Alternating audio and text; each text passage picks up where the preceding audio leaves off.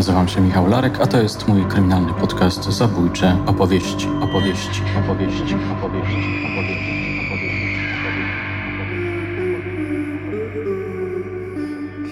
Egzekucja mordercy.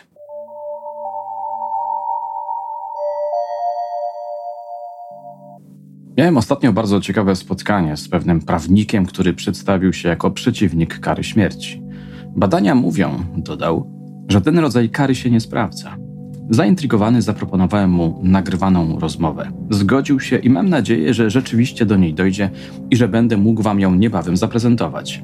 Już od jakiegoś czasu zabieram się do tego tematu, który wzbudza wiele kontrowersji także wśród moich słuchaczek i słuchaczy, pewnie bardziej słuchaczy. Być może słyszeliście świeżą wypowiedź premiera polskiego rządu, że jest przeciwko nauczaniu Kościoła w tym zakresie. Niezwykle to wymowne. Jakiś czas temu dostałem prywatną wiadomość od hejtera, który poinformował mnie, że jestem degeneratem, skoro nie należę do zwolenników kary śmierci. Utkwił mi też mocno w pamięci komentarz na YouTube internauty, który zasugerował, że cywilizacja chrześcijańska nie może istnieć bez kary śmierci. Pozostawiam to teraz bez komentarza. Temat jest gorący, więc tym niecierpliwiej czekam na rozmowę z ekspertem, który ją dokładnie przemyślał, rozważył, odwołując się oczywiście do argumentów rozumu, a nie rozedrganych emocji, których pełno w serwisach społecznościowych. A dzisiaj w ramach wstępu do tematyki opowiem Wam o pewnej głośnej egzekucji, która miała miejsce 4 lipca 1840 roku. Moje drogie, moi drodzy, posłuchajcie.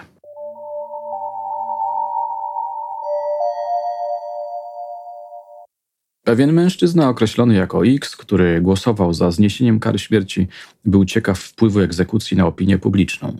Poprosił więc Williama Makepisa Takeraya, żeby razem z nim wybrał się na egzekucję mordercy, którym był François Benjamin Courvoisier. Pisarz zgodził się.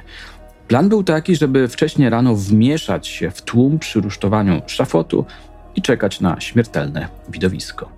Z redaktorskiego obowiązku nadmienię, że to, co wam teraz zaprezentuję, to luźna rekonstrukcja tekstu Takaraya Going to see a man hang. Takaraj nie mógł zasnąć w nocy. Cały czas myślał o egzekucji. Drażniły go wszelkie dźwięki pochodzące z zewnątrz.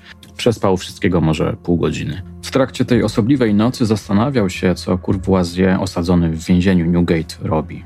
Potem się okaże, że morderca pisał. Pisał pracowicie, aż w końcu zmęczenie odebrało mu siły. Poprosił o pobudkę o czwartej rano. Też miał kiepską noc. Dźwięki, światło z ulicy dawały mu się we znaki. Strażnik obudził go o czwartej, dodając, że nie musi jeszcze wstawać. Morderca jednak dźwignął się z łóżka, zrobił poranną toaletę. Potem wrócił do pisania. Chciał opowiedzieć całą prawdę o swoim czynie. Tego ranka porządkował także testament. Podobno w ciągu ostatnich swoich dni bardzo często się modlił. Takeraj wstał o trzeciej nad ranem. O trzeciej trzydzieści pojawił się X. Zjedli śniadanie, wypili kawę. X oznajmił, że noc spędził w klubie słuchając żartów niejakiego Desza na temat oczekiwanego niecierpliwie przez Londyńczyków zdarzenia. O czwartej wsiedli razem z innym dżentelmenem określonym jako Z do powozu i ruszyli opustoszałymi ulicami Londynu. Zbliżając się do Newgate, zobaczyli tłum, liczny, ale jeszcze nie gęsty, jak zaznacza Takeraj. Tłum zmierzający w stronę rusztowania szubienicy, na którym morderca miał zostać stracony przez powieszenie. Ten czarny obiekt wywołał poruszenie u Takeraja. Pisarz poczuł coś w rodzaju porażenia prądem. Nasi dżentelmeni wmieszali się w tłum, który ze znastwem dyskutował o dawnych egzekucjach. Około szóstej tłum zaczął gęstnieć. Mężczyźni zrobili wokół kobiet krąg, żeby zapewnić im opiekę. Na dachu jednego z domów uformowano widownię, której wszystkie miejsca zajęły persony spragnione dobrej perspektywy. Wśród nich Takeraj wypatrzył ludzi, którzy noc spędzili na dobrej zabawie. Tłum, oburzony ich swawolnym zachowaniem, przywołał ich do porządku. W oknach sklepów pojawili się gapie. Także pewna ówczesna celebrytka, której personaliów oraz historii jednak nie poznajemy. Pisarz, relacjonując tę swoją przygodę z publiczną śmiercią, dużo uwagi poświęca pobocznym wątkom. Ja je tutaj pomijam. Nadmienię jednak, że mówi on także o swoich uczuciach związanych z przebywaniem wśród tłumu. I są to generalnie pozytywne uczucia. wydaje się, że odświeżające i pozwalające spojrzeć krytycznie na arystokrację polityków. Wspomina na przykład o rozsądku czy inteligencji. Charakter tłumu był dość uroczysty, pisze Takeraj choć zdarzały się komiczne akcenty. Uwagę zgromadzonych przykuli na przykład mężczyźni, którzy wspinali się po rurze gazowej jednego z domów, chcąc zapewnić sobie lepszy widok. W pewnym momencie z tego domu wyszedł gospodarz i zaczął ściągać intruzów, chwytając ich za nogi. Wywiązała się potyczka. Gdy jednemu z mężczyzn poszczęściło się i wdrapawszy się zajął upragnioną pozycję, tłum nagrodził aplauzem jego sukces. Dlaczego cieszą nas takie rzeczy? Zastanawia się pisarz i zarazem wyraża podziw, że ludzie potrafią się cieszyć tego rodzaju drobiazgami. Czas płynął z niesamowitą prędkością, wspomina Takeraj. Pojawili się pracownicy, którzy zaczęli pukać i stukać w rusztowanie. Wnieśli czarną drabinę do środka gmachu. Wszyscy wbili wzrok w tę drabinę, a potem popatrzyli po sobie wymownie. Zaczęło robić się ciekawie, dodaje pisarz. Potem przybyli policjanci, dobrze ubrani, odżywieni, uśmiechnięci. Przechadzali się w obrębie pasa, który barierkami oddzielał zgromadzonych od szafotu. Na linii frontu, jak zauważa Takraj w charakterystycznym dla siebie stylu, stanęła młodociana łobuzerka 16-17 lat, trudniąca się przestępczą działalnością. Było tam też trochę dziewcząt, między innymi kochanka złodzieja. Istota wulgarna, nie kryjąca się z tym, jaki zawód wykonuje, ale też mająca dobre, szczere serce. W tym momencie Takeraj znowu wchodzi w dygresję, snując rozważania o literaturze, która zakłamuje rzeczywistość, upiększając ją nadmiernie. To jest o tyle dla nas, miłośników opowieści kryminalnych, pouczające, że przecież kryminalne bestsellery rzadko kiedy opisują prawdę o śledztwie, przestępcach i policjantach. Dlatego pewnie z takim zaangażowaniem słuchamy true crime'u, znudzeni plastikowymi opowieściami bestsellerowych autorów. Jesteśmy tu już pół godziny, pisze dalej Takraj. Zbliżają się powozy szeryfa. Tłum jest już tak gęsty, że nikt nie stoi na własnych nogach. Humory wszystkim dopisują. Witryny sklepu wypełnione są pracującymi tam ludźmi.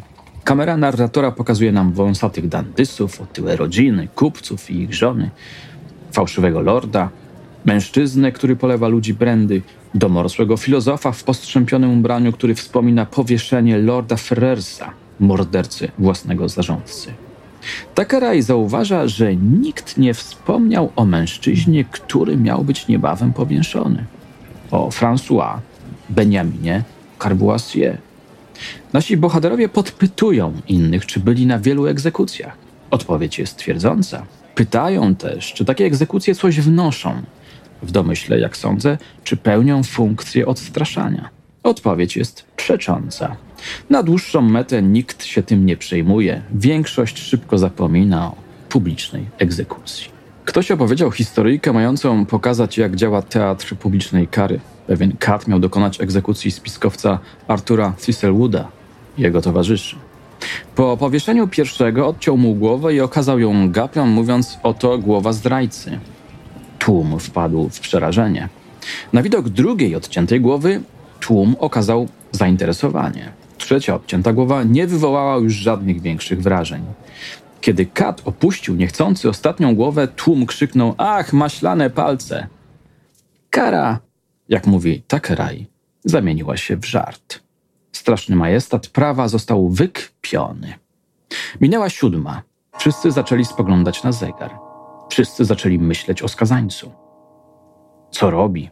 Gdzie teraz jest? Jeszcze pół godziny? 25 minut? Kwadrans? 5 minut. Zegar tyka. W końcu zegar bije na ósmą. Zaczyna się okropna według pisarza scena. Tłum zafalował, rozległ się straszny szmer. Kobiety i dzieci zaczęły krzyczeć, rozległ się jakiś brzęk. Czarny łańcuch zwisa z belki ale François Benjamin Courvoisier nie nadchodzi. Dlaczego? Czyżby popełnił samobójstwo? Nagle otwierają się drzwi więzienia. Na rusztowaniu szafotu pojawia się postać w czerni, za nim podąża czterech mężczyzn.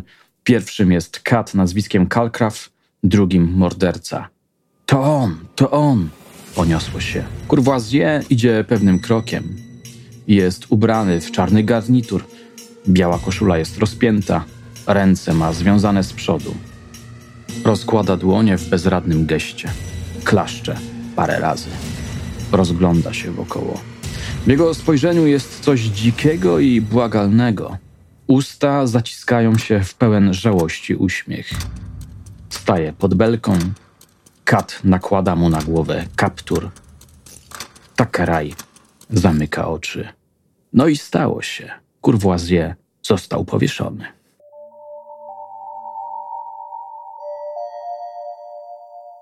Co ciekawe, tego dnia, czyli przypomnę 4 lipca 1840 roku, wśród publiczności zainteresowanej tą egzekucją był inny wybitny angielski pisarz Charles Dickens. Wspomina o tym Peter Ackroyd w swojej kapitalnej biografii Londynu. Ale autor tajemnicy Edwina Druda obejrzał ten spektakl w zupełnie innych warunkach.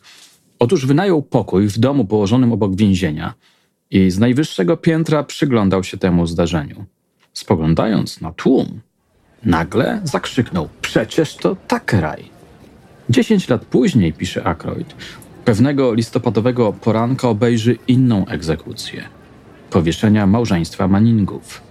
Na temat tego, co zobaczył i odczuł, napisał list do gazety. Tłum jawił mu się jako diabeł. Krótki cytat.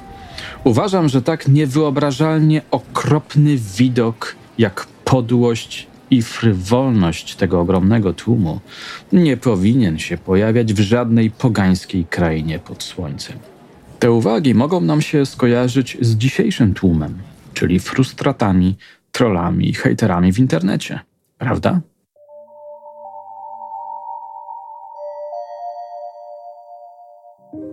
Wróćmy jeszcze do relacji Takeraja, który postawił sobie ważne pytania. Co skłania ludzi, że idą na tego rodzaju spektakle? Co czują w trakcie konsumpcji tego spektaklu? Jak to potem wpływa na nich? Oto, co powiedział mu pewien czytelnik. Przerażenie i wstyd kazało mi opuścić wzrok. Miałem wrażenie, że podżegam do tego aktu niegodziwości i przemocy. Modlę się, żeby do czegoś takiego w przyszłości już nie dochodziło. 40 tysięcy osób zbiega się przy bramie Newgate, żeby wziąć udział w tej rozpuście. Rząd, chrześcijański rząd, poucza skazanego o miłosierdziu i jednocześnie oznajmia mu, że nie powinien szukać miłosierdzia na ziemi, po czym zabija go. Zabija go, odprawiając chrześcijańskie rytuały. Ta wypowiedź zamienia się w pełen pasji manifest przeciwko karze śmierci. Zainteresowanych odsyłam do oryginalnego tekstu, który powinien kiedyś zostać przetłumaczony na język polski. Dodam tylko jeszcze jeden element z tej gorącej, zaangażowanej wypowiedzi. Zrezygnowaliśmy z zemsty, uważając ją za złą. Tymczasem w tym jednym punkcie, w wymiarze sprawiedliwości, upieramy się przy niej zupełnie nie po chrześcijańsku. Minęło 14 dni od egzekucji. Powiedział na koniec przepytywany przez Takraja czytelnik, a ja mam ciągle przed oczami twarz tego mężczyzny. Czuję się zawstydzony i poniżony swoją ciekawością, która przywiodła mnie tamtego dnia przed mury Newgate. A co z wami? Chcielibyście zobaczyć publiczną egzekucję? Zabralibyście się z Takrajem albo Dickensem? Chcielibyście zobaczyć, jak zabija się człowieka w majestacie prawa? Syn obrońcy Edmunda Kolonowskiego, z którym rozmawiałem jakiś czas temu, powiedział, że jego ojciec nie otworzył koperty z zaproszeniem na egzekucję, że nie poszedł na nią. Zastanawiam się, czy ja chciałbym być świadkiem takiego wydarzenia. Mam tutaj mnóstwo wątpliwości, ale ciekawość cały czas gdzieś się we mnie odzywa.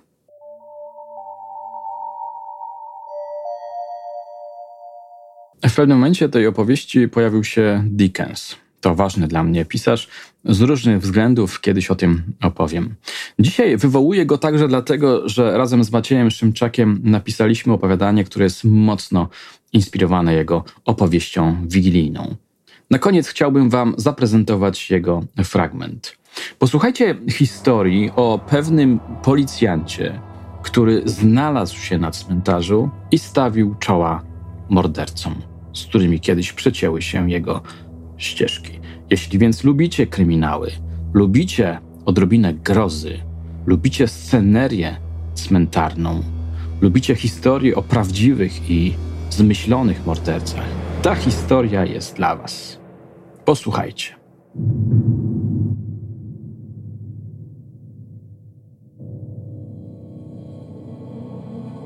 Wydawnictwo Nine Realms przedstawia Michał Larek i Maciej Szymczak. Zaduszki. Zemsta z zagrobu. Opowiadanie z cyklu Święta z trupami. Czyta Jakub Kamieński. Reżyseria Łukasz Narolski i Michał Staczkun. Realizacja Studio DFM.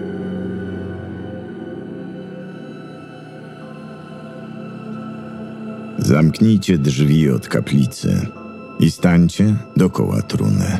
Żadnej lampy, żadnej świecy. W oknach zawieście całuny. Niech księżyca jasność blada szczelinami tu nie wpada.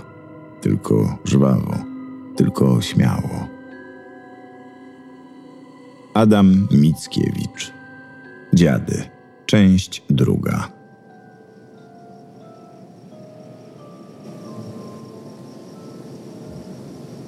Poczuł na twarzy powiew zimnego wiatru. Otworzył ociężałe powieki, uświadamiając sobie, że leży na twardej płycie chodnikowej.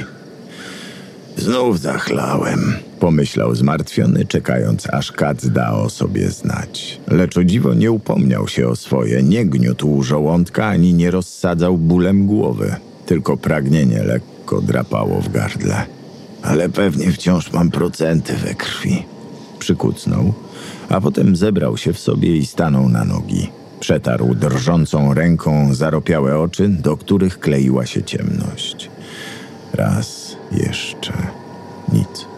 Światła dalej nie było. Co jest? Rozejrzał się wokoło. Po chwili doszło do jego oszołomionego umysłu, gdzie się znalazł. Cmentarz. I to późną nocą. Niemożliwe. Podrapał się po głowie. Niemożliwe, ale prawdziwe. Jakim sposobem tutaj trafił? Co go podkusiło, żeby włóczyć się po ciemku wśród grobów? Przecież to jakaś dziecinada. Zapiął się po samą szyję, chociaż co go zaskoczyło, wcale nie poczuł zimna. Wzruszył ramionami, nie zawracając sobie głowy tym dziwnym faktem. Może po prostu w końcu trafił się alkohol doskonały, po którym nie czuje się ani kaca, ani zimna.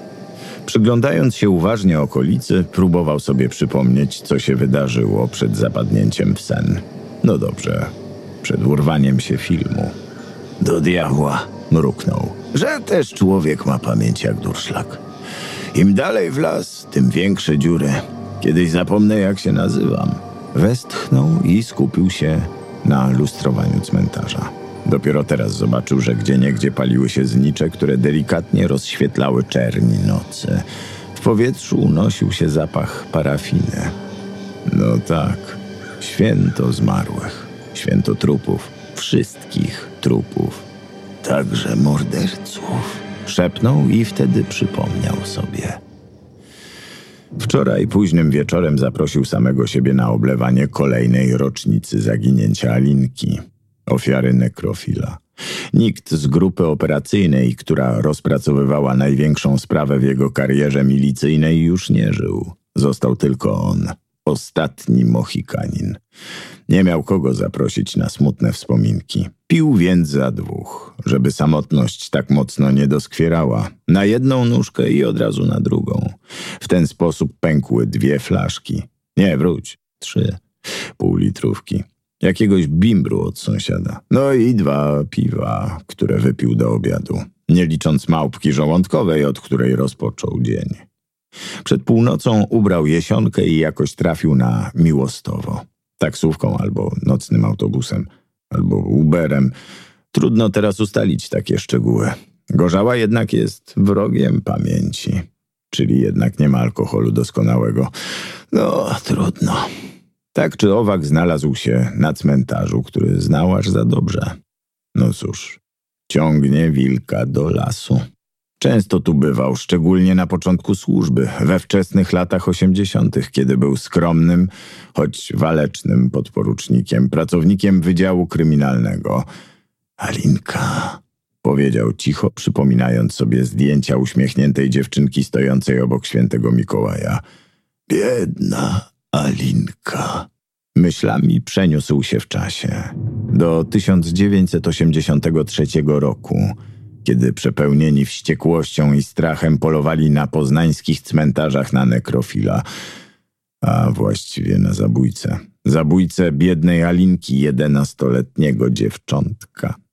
Ile on się tu nastał, ile namarzł i nachodził. Kojarzył wszystkie alejki, każdy niemal grób. Edmund Kolanowski. To była chyba najbardziej skomplikowana sprawa w jego karierze zawodowej. Owszem, największa, najważniejsza, ale i najbardziej popieprzona, by nie użyć bardziej dosadnych określeń, które tępiła u niego szanowna małżonka.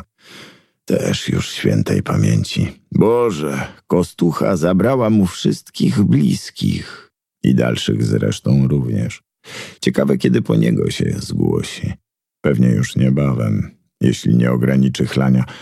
Ale o czym ja... A, o Kolanowskim. No tak. Dobrze pamięta tamtą noc, kiedy po raz pierwszy ujrzał go na żywo. Nie widział dokładnie twarzy, lecz instynkt od razu mu podpowiedział, z kim ma do czynienia. Ujrzał niskiego typa w płaszczu ubrudzonym ziemią pochodzącą z rozkopanego grobu. Facet stał nad nagim, zbezczeszczonym ciałem jakiejś martwej kobiety i tego zboczonego obrazu nigdy nie zapomni. Serce wtedy omal nie wyskoczyło mu z piersi. Poczuł strach, wymieszany z ekscytacją. Rzucił się za nim w pościg. Gonił go ile tchu w płucach, ale skubany był szybszy od niego i mu zwiał.